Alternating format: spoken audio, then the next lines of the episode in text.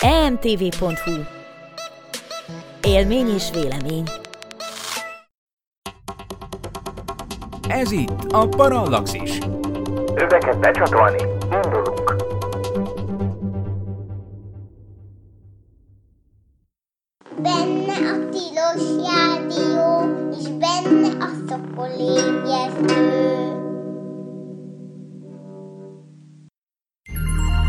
12 éven aluliak számára nem ajánlott. Az MD Média bemutatja. Tudományos és fantasztikus élmények Norbival, aki fizikus, és Miklóssal, aki szintén. Ez itt a Parallaxis Podcast szokolébresztő külön kiadása, az mtv.hu és az űrszekerek közösségi flotta kapcsolatfelvétel napi maratoni podcast műsorában. Halló, sziasztok, kedves hallgatóink! Ez itt a Parallaxis Podcast, illetve a Szokolébresztőnek az összevont különleges különkiadása, kapcsolatfelvétel napi különkiadása. Én vagyok Vince Miklós, a Parallaxis állandó fizikusa, vagy milyen, és egyébként a Szokolébresztőn pedig dr. Enzé Felixként szoktam bemutatkozni, és persze most is éppen állandó szakértőnk Werner Norbi, akit a Szokolébresztőből esetleg ismerhetnek a hallgatók, szóval ő lesz a mai beszélgető társam, amennyiben itt vagy az online térben. Itt vagy, Norbi? Itt vagyok, sziasztok! Norbi, te jelen pillanatban ugye éppen Pozsonyban vagy, tehát Pozsonyban ragadtál, ugye az országaink között éppen többnyé, többé-kevésbé be van zárva a határ, igaz? És akkor te most ottan éled a családi életedet. Itt vagyok karanténban. Igen, hát mi meg itt Budapesten, de hát ez nem akadályozza meg, hogy ezt a nagyon érdekes témát, ezt kibeszéljük, ami pedig nem más, mint az, hogy a mesterséges intelligenciának, illetve a humanoid robotoknak, vagy a nem is annyira feltétlenül humanoid robotoknak, de valamilyen szempontból autonóm roboteszközöknek milyen jelenük és jövőjük van az űrkutatásban, illetve a csillagászatban. Azért ez mindenképpen science fiction jellegű terület. Nekem az első dolog, ami rögtön beugrott ezzel kapcsolatban persze, az a legendás 2001 űrödüsszeja film, ugye, amit 1968-ban készített Stanley Kubrick, és ugye Arthur C. Clarke, és ugye abban a Hell nevű felélteti számítógép, ugye az, akivel tulajdonképpen egy konfliktus alakul ki a Jupiter felé vezető úton, és az űrhajósnak az életére tör, az űrhajósoknak az életére tör a mesterséges intelligencia, Hát igen, ez még talán egyelőre odébb van, de elkerülhetetlen. De, de, hogy... de a hallgatóknak ajánlanám újra megnézni a űrodisszeát, vagy elolvasni esetleg a könyvet. Hihetetlen, hogy mennyi minden azóta bejött. Hall egyelőre még nem, de ki tudja. De, de már majdnem, ugye? Tehát, hogy ugye az a, az a koncepció, hogy az űrhajó megy kifele a nagyvilágba. Na most az biztos, hogy jelenleg a földi irányítás például a nemzetközi űrállomás adatait folyamatosan elemzi, és ha valami baj van, például ami tavaly volt, életlenül elkezdett csökkenni a légnyomás, ezt Houstonban látták, és felszóltak az űrhajósoknak, hogy hé, keressétek már meg valahol valami lyuk van, és megkeresték, és megtalálták. Na most, hogyha mondjuk Jupiter felé repülsz, vagy még messzebb, ami ugye előbb-utóbb remélhetőleg be fog következni, akkor ott több 10-20 perc, akár egy órányi rádiókésés is lehet, ami azt jelenti, hogy a fénysebességével terjedő rádiójel az annyi idő alatt ér le az űrhajóról a Földre, meg annyi idő alatt vissza, tehát ez nem lesz lehetséges, hogy a Földről 30 felkészült szakember folyamatosan figyelje, hogy mi van, úgyhogy nagyon fontos szerepe lesz ezeknek az eszközöknek, mint amilyen a Hell a, a 2001 űrösszajában, és hát szóval ez előbb-utóbb be kell, hogy következzen valamiféle ilyesmi. Az, hogy az mennyire kell, hogy intelligens legyen, az egy más kérdés. Mm, úgyhogy szerintem ez az egyik dolog, amit ki kéne dumálnunk, meg hogy milyen tapogatózások vannak ez irányba. A másik, az meg konkrétan a humanoid robotok kérdése, amik meg nem kell, hogy feltétlenül intelligensek legyenek, de mondjuk űrsét a szerelő munkákra alkalmasak lehetnének, hogyha mondjuk belülről, vagy akár másik űrhajóról virtuális valóság eszközökkel távirányítanák azt, hogy ott hogy matatnak, és olyan körülmények közé lehet őket beküldeni, ahova az űrhajósokat mondjuk veszélyes lenne. Tehát erre is léteznek tervek. E, és akkor oké, okay, szóval erről beszélnénk, és most át is adnám neked a szót, de és választ ki, egy szíves, hogy a két irány közül mer, merre haladjunk először. Mesterséges intelligencia felé, vagy a humanoidok felé, vagy esetleg a kettőt egybe. lehet a kettőt egybe is. Már most az űreszközök kell, hogy tudjanak autonóm döntéseket hozni. Csak ha egy aszteroidához, egy üstököshöz küldünk egy, egy, egy űreszközt, annak is fel kell tudnia mérni a helyzetet, és autonóm döntést kell hoznia. Na most, hogyha Marsra küldünk egy üreszközt, ez, ez, ez duplán igaz. Mondjuk, hogyha hallgatók emlékeznék a Lunokhod holdjáró roverekre, amiket a, még a szovjetek küldtek a holdra, azok távirányítással voltak a földről irányítva, és így több tíz kilométert mentek át a, a hold felületén. A Mars roverek azok autonóm döntéseket kell, hogy hozzanak, mert ott már nem lehet, azokat már nem lehet irányítani a Földről távirányítással, úgy, mint a lunochodot. Úgyhogy már ott szükség van egy ilyen műintelligenciára. Igen, de az még azért nem kell, hogy mesterséges intelligencia nem, legyen, de, de valami arra felé vezető. Egyébként az első űrrobotot azt éppen magyar kutatók fejlesztették ki, mert éppen, a, amely, hogy mit, mit nevezek űrrobotnak, azt nyilván meg kell magyaráznom, de pont ezt az autonóm követő rendszert, döntéshozó mechanizmust, hiszen amikor 1986-ban a Szovjetunió Héli űrstököshöz küldött űrszonda párosa, a Vega űrszonda repült, akkor annak a kamerának a mozgatását, azt bizony már fe, a fedélzeti döntéshozó rendszernek kellett megcsinálnia, mert pont emiatt ott is már túl messze volt ahhoz, hogy a földről távirányítsák, hogy merre forduljon a kamera. És ezt konkrétan a Központi Fizikai Kutatóintézet részeske és magfizikai kutatóintézetében fejlesztették ki annak idején. Tehát ilyen értelemben érdekes, hogy az első űrrobot az részben a magyarokhoz köthető. De hát azóta meg valóban a Marson, meg, meg az, hogy, hogy Azért mennek egyébként a roverek olyan lassan a Marson, mert egy csomószor még mindig a földiek hoznak döntést, de azért, ha megnézzük, ezek egyre gyorsabban mennek mégis. Tehát emlékszel, Norbi, amikor 1997-ben leszállt a Pathfinder a Marsra, és elvitte az első rovert. Hát ha jól emlékszem, az 40 centit tudott megtenni percenként, vagy Igen. valami ilyesmit. Az még, az, még, az még nagyon-nagyon lassú volt. Igen, és ez pont azért volt, mert az nagyban hagyatkozott még arra, hogy a Földről irányítsák, de hát azért aztán most már a mostaniak azért már gyorsabbak, és nem csak azért, mert nagyobbak és könnyebben átmennek a nagyobb köveken, hanem egyszerűen azért is, mert már sok mindent megoldanak saját kútfőből, ha úgy tetszik. De most, de most hát térjünk át ebből a humanoid robotokra, mert ott is az volt az első olyan gondolat. Esetleg földi irányítók tudják ezeket a humanoid robotokat a testük mozgásával irányítani, és így mondjuk az űrhajósnak nem kell űrsétát tennie. A humanoid robot fogja űrsétát csinálni, de a robotot egy földi irányító fogja tulajdonképpen élőben kontrollálni. Ez volt az első gondolat, és ehhez képest most már fejlesztenek olyan humanoid robotokat, amelyek tudnak autonóm döntéseket csinálni. Igen, egyébként pont, pont az első ilyen virtuális valóság eszközöket, ahol rendeltetésszerűen használtak, pontosan az, az, a, az a NASA-nál volt már a 90-es évek óta, amikor az űrsétára való felkészítést elkezdték az űrhajósokon gyakorolni. Ugye annak meg nem volt köze a robothoz, csak annyi, ami most már mindennapos kb., hogy virtuális valóság sisakot meg kesztyűt adnak az űrhajósokra, hogy elgyakorolják, hogy az űrsétán mondjuk a Hubble űrtávcsőnek egyik-másik részét hogy kell szétszedni.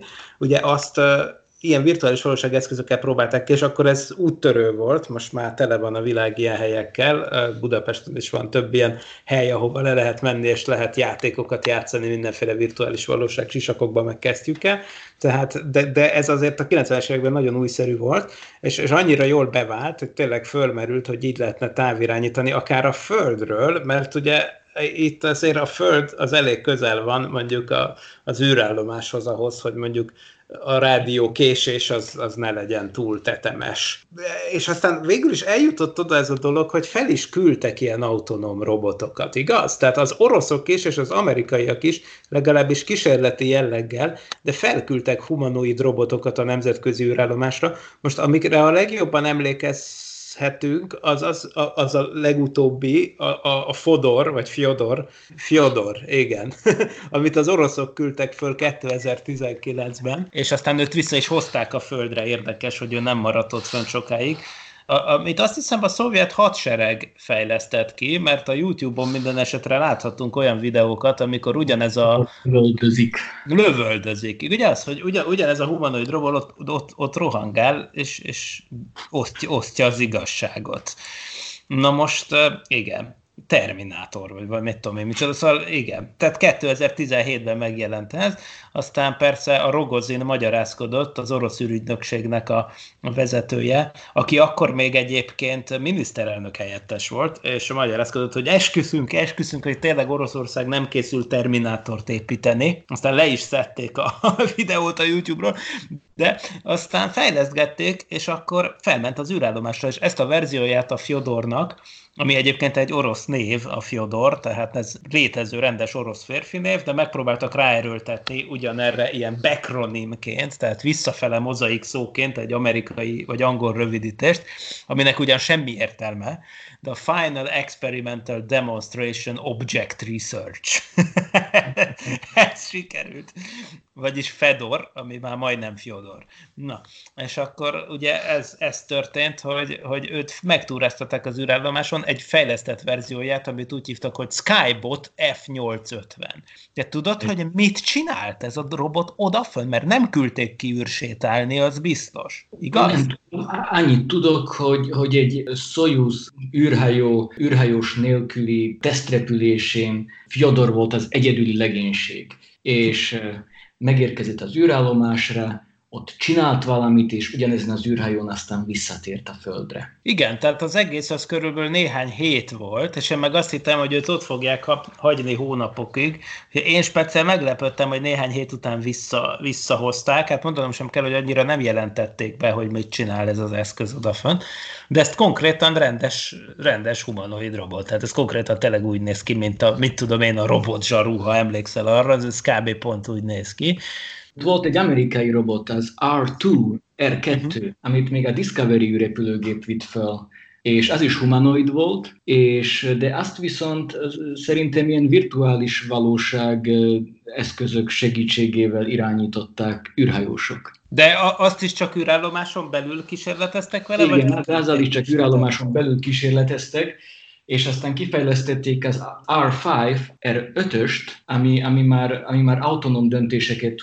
tud hozni, és olyanokat demonstráltak vele, hogy a kábeleket be tudja dugni már a helyére, úgyhogy már tulajdonképpen ilyen, ilyen űrállomás szerviz dolgokat csináltak a, az erőtössel. De komoly, adtak is neki nevet, most látom, hogy elnevezték Valkűrnek a germán mitológiából. Igen. De Igen. ő is fölment az űrbe? Vagy ezt én, csak a Földön én, tesztelték? Én úgy látom, hogy csak az R2-es ment föl az űrbe, és az r csak a Földön tesztelték. Ez egy ilyen DARPA challenge valaminek a keretében volt kifejlesztve. A DARPA egy ilyen amerikai, tulajdonképpen hadügyi kutatófejlesztő hivatal, csináltak ilyen robot challenge-et, egy ilyen versenyt, és annak a versenynek keretében volt a Valkür kifejlesztve.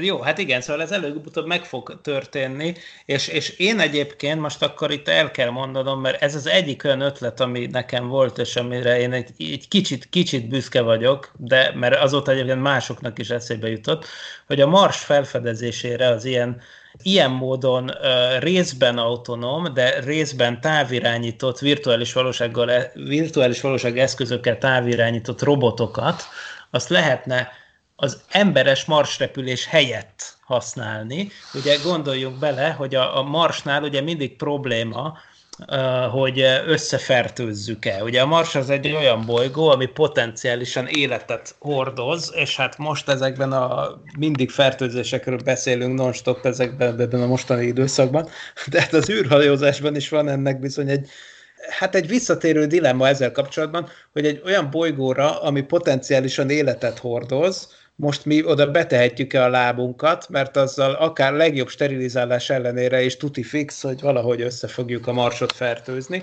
Arról nem is beszélve, hogy a marsról sokkal nehezebb felszállni, mint mondjuk a holdról, vagy egy kis bolygóról, mert hát nagyobb a gravitációja.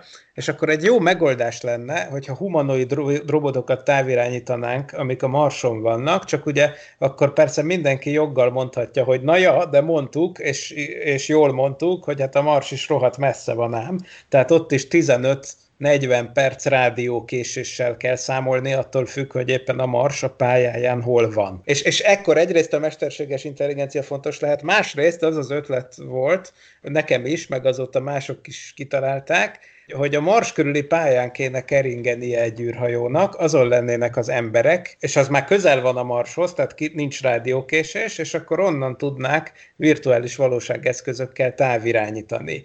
Nyilván kéne hozzá a Mars körüli pályán is létrehozni mondjuk egy egy műhold hálózatot, ami biztosítja a folyamatos kommunikációt, mint a Föld körül a Tidris rendszer, amiről egyszer nem is annyira rég beszéltünk a Szokolégresztőben veled, de, de hát azért ez, ez egy jó megoldás lenne, és persze ez talán nem annyira egyértelmű a hallgatóknak, de sokkal-sokkal egyszerűbb jele, akár most azonnal el tudnánk jutni a Mars körüli pályára, szerintem, de a Marsra leszállni és onnan föl, az egy nagyságrendel nagyobb falat. Annak ellenére, hogy pont ugyanolyan messze van, de az az utolsó 100 kilométert megtenni, az nagyon nem triviális, és most ezt ezzel át lehetne hidalni.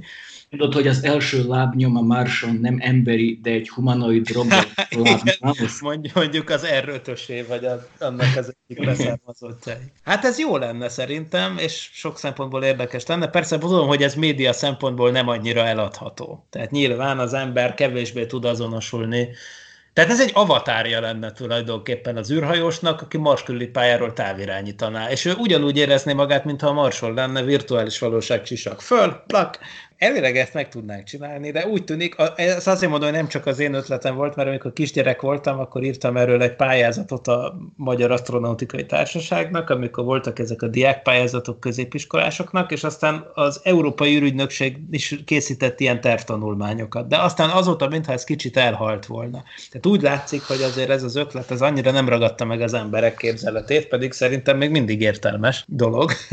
Ezzel kapcsolatban mindig az a kérdés támad fel bennem, hogy, hogy miért kell ezeknek a robotoknak humanoidoknak lenniük. Mert hogyha ezt a robotot egy bizonyos küldetésre fejlesztett ki, akkor nem biztos, hogy a humanoid a legjobb elrendezés. Igen. Hogy, hogy hogy lehet, lehet valami, valami jobbat kifejleszteni, nem muszáj, hogy humanoid legyen. Miért, miért gondolkodunk mindig humanoidokban?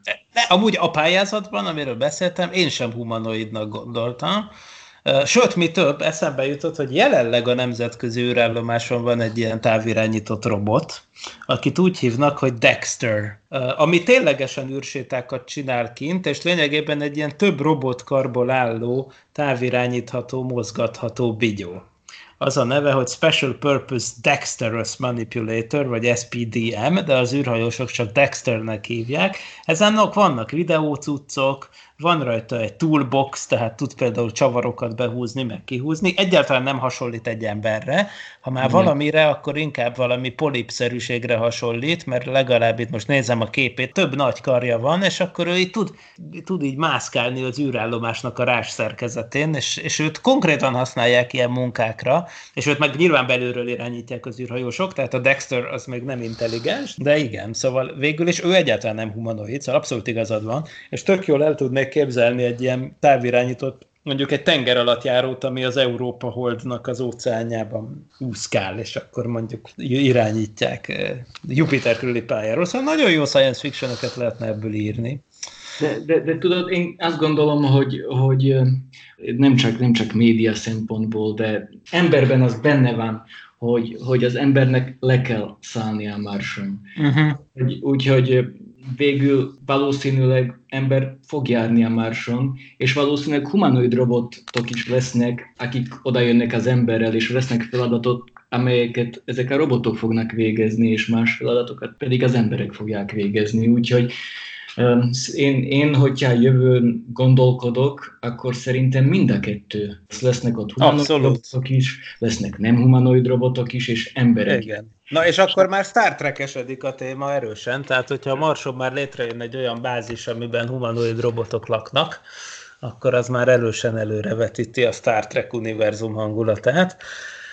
Én gondoltam azon, hogy miért, miért humanoid, és, és nekem, nekem az jut eszembe, hogy, hogy, egy ilyen, hogy ez emberi pszichológia. Igen. Mondjuk az jut eszembe, hogy a, hogy a japán öreg otthonokban humanoid robotok vannak akik, akik ott vannak az idősekkel, és beszélgetnek velük, meg reagálnak. Pont az a humanoid, ez azért fontos, így ilyen, ilyen pszichológiai, lelki támogatás szempontból, és lehet, hogy az űrhajósoknak a Marson is pont erre lesz szükségük, és ezért lesz szükség humanoid robotokra a Marson. Erről mit gondolsz? Hát egyrészt azt, hogy ez most rögtön eszembe jutotta nekem a The Moon című filmet, ami egy rettenetesen komor, disztópikus science fiction, amiben ugye az, a, az az alaphelyzet, hogy a hold túloldalán van egy csávó, aki egyedül dolgozik egy holdbeli bányának a kvázi automatikus irányításán, vagyis hát inkább felügyeletén, és hogy ne hűljön meg, neki is van egy ilyen mesterséges, intelligens beszélgető társa, aki, aki igazából egy képernyőn látható fej, tehát nem, nem is egy konkrét robot, és viszont ami meg erről eszembe jut, hogy, és akkor az már konkrétan mesterséges intelligencia az űrállomáson, hogy ilyen bizony jelenleg is van fönt. És úgy hívják, hogy Simon és ezt a Simon-t viszont nem úgy írják, hogy Simon, hanem úgy, hogy Simon, mert persze ez is egy rövidítés, a Crew Interactive Mobile Companion, vagyis a legénységgel kommunikáló, beszélgető mozgó társ és ezt a, a német űrügynökség, a, a DLR és az IBM közösen fejlesztettek ki. Na most az IBM-nek ugye ismert, hogy nekik van egy mesterséges intelligenciájuk, a Watson. Lényegében ez a Watson fut ezen a cuccon, amit úgy kell elképzelni, hogy ő egy lebegő kis gömb alakú valami, aminek az oldalán van egy képernyő, és ő az űrhajóst követi, és segít neki. És azon a képernyőn látható egy ilyen rajzolt arc. És tehát kor- konkrétan olyan, mint a Siri, vagy a Cortana, vagy ezek az ilyen segédek, de ő konkrétan ott a súlytalanságban, és még, ez, még egyszer ez az űrállomáson belül van, tehát nem űrsétán, de most kíséri az űrhajóst, ha, ha kell. Egyébként ő úgy mozog, hogy ventilátorok mozgatják, tehát pici propellerek vannak, hogy nem látszanak, csak a, tehát mondom, ez egy gömb alakú, nem lógnak ki belőle mozgó alkatrészek, úgyhogy egészen misztikus, hogy mégis így tud repülni, jobbra-balra elfordulni, menni az űrhajós után, és ha kérdéseket tesz föl, hogy légy szíves, mondd el, hogy mi most itt ennek a, a kísérletnek a feladat sorát, azt mondd el, hogy milyen procedúrákat kell végrehajtanom, és akkor Simon, Simon elmondja, és Simon segít, és Simontól lehet kérdezni, és Simon utána jár a dolgoknak, és ha megkérjük Simont, hogy szóljon az egyik másik űrhajósnak, aki ott van az űrállomás másik végében, akkor oda repül és szól neki, és mindezt egyáltalán nem a földi távirányítás, hanem hát lényegében gépi tanulás, illetve hát mesterséges intelligencia segítségével. Tehát mondom, ezen az IBM-nek a Watson rendszere fut, úgyhogy, úgyhogy ilyen értelemben már megérkezett az űrállomásra a mesterséges intelligencia, hát ha nem is egy humanoid, de egy robot formájában. És egy emberi arc. És egy emberi arcot vetít ki. Meg ha meg azt mondja, hogy vetítsd ki a protokollt, akkor persze eltűnik a képernyőről az emberi arc, és megjelenik a szöveg, amit kért az űrhajós.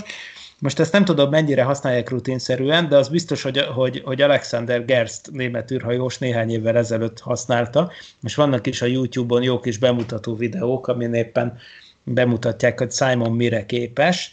Ez aztán igen, e, itt aztán e, e, eszembe is jutott, hogy, hogy egyébként amikor kicsik voltunk, akkor a Disneyben, a Disney sorozatban, amit néztünk vasárnaponként, ugye, akkor ott volt egy ilyen jövőből jött katona, vagy micsoda, aki Jesse-nek hívtak, és volt neki egy árnyék nevű társa, ami, ami ott repült fölötte, és pont kb. pont így nézett ki, mint ez a Simon.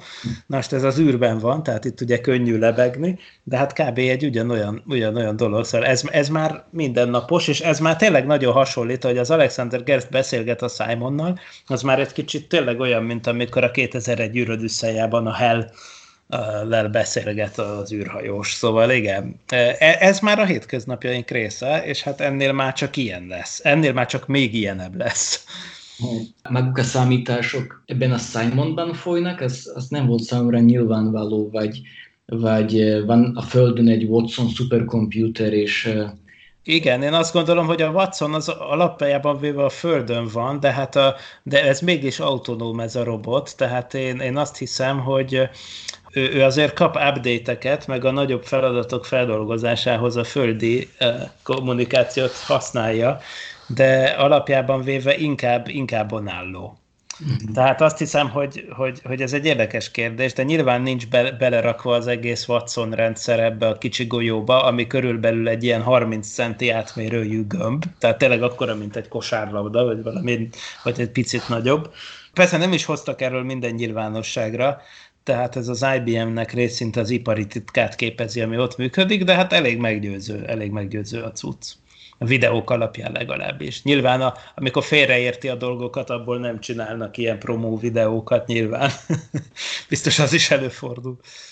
De szerintem még mindennek úgyis nagyon a kezdetén vagyunk, és mindez, ezek, ezek az űrrobotok, ez majd az űrbányászattal fog, fog igazán, igazán ott, ott, ott fogunk látni óriási nagy elő, előrehaladásokat. Mert ha elkezdünk Holdon és a Marson bázisokat építeni, akkor szükségünk lesz üzemanyagot az űrben bányászni, aszteroidákról fogjuk bányászni a vizet, amelyből fogjuk az üzemanyagot előállítani, és ezeket a bányászási feladatokat gondolom csak autonóm robotokkal fogjuk csinálni, és ott, ott, ott óriási fejlesztéseket fog kelleni csinálni, hogy, hogy ezek a robotok ezeket a feladatokat el tudják majd látni. Hát igen, és hát ez már abszolút a terítéken vannak ezek a feladatok, és mondom még egyszer, hogy a rádiókésés az akkora nagy lesz, hogy természetesen ez elkerülhetetlen lesz. Tehát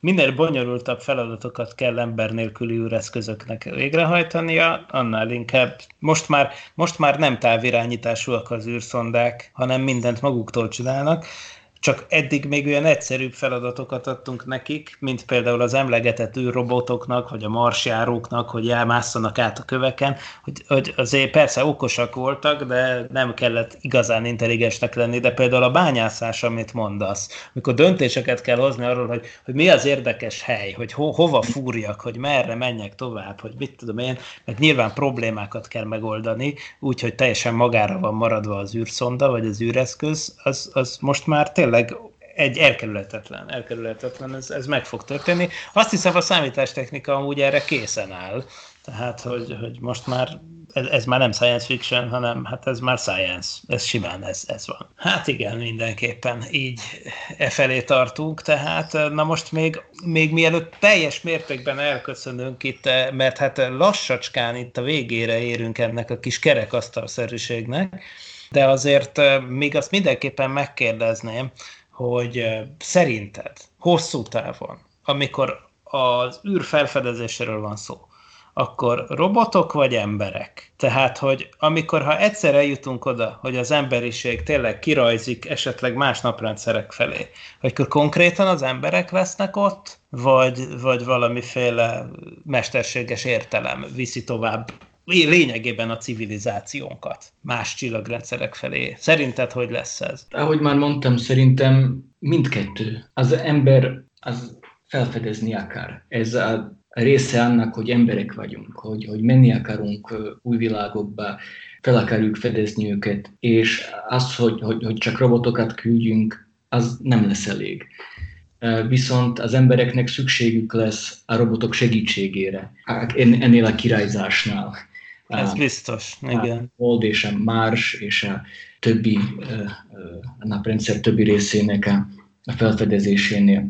De én azt gondolom, hogy, hogy talán mi vagyunk az utolsó olyan generáció, amelyet teljes mértékben még az evolúció fejlesztett ki, és a, a következő generációknál már az lesz, hogy az emberek gének manipulációjával egyre olyanabb embereket fog létrehozni, amely, amelyek uh, már ilyen, ilyen superhumaneket, esetleg, esetleg uh, roboteszközökkel kombinálva, úgyhogy ki tudja, lehet, hogy még, még egy ilyen, ilyen uh, sokak számára talán disztópia, disztópikusnak tűnő jövőnek nézünk elébe. Hát igen, igen, igen, egy ilyen, egy ilyen felfejlesztett ember 2.0 ez mindenképp kinéz is, és hát kár lenne olyan naívnak lennünk, hogy azt gondoljuk, hogy a már emlegetett DARPA, meg egyéb ilyen katonai think tankek szerte a világban nem dolgoznak ezen ezerrel. úgyhogy, úgyhogy ez abszolút, abszolút én is úgy gondolom, hogy mi vagyunk talán az első utolsó ilyen természetes generáció. Na hát igen, szóval ez viszont már egy másik téma, úgyhogy én mindenképpen nagyon szépen köszönöm neked Norbi a szakértést, és minden hallgatónknak pedig a figyelmet, tehát ez volt a Parallaxis podcastnek és a Szokolébresztőnek az összevont különkiadása. Köszönjük szépen a figyelmet, ezek voltunk mi, sziasztok! Sziasztok! Nem volt elég a tudományból és a fantasztikumból? Olvasd a parallaxis.emtv.hu-t, lájkold a Facebook oldalunkat, nézd a YouTube csatornánkat, és hallgassd a Szokolébresztőt a Tilos Rádióban. A Tudományos Újságíró Klubja és a Tudományos Ismeretterjesztő Társulat által a Juhari Zsuzsanna díj külön díjával jutalmazott blog podcastjét az emtv.hu megbízásából az MD Media készítette. Hamarosan jön a következő rész.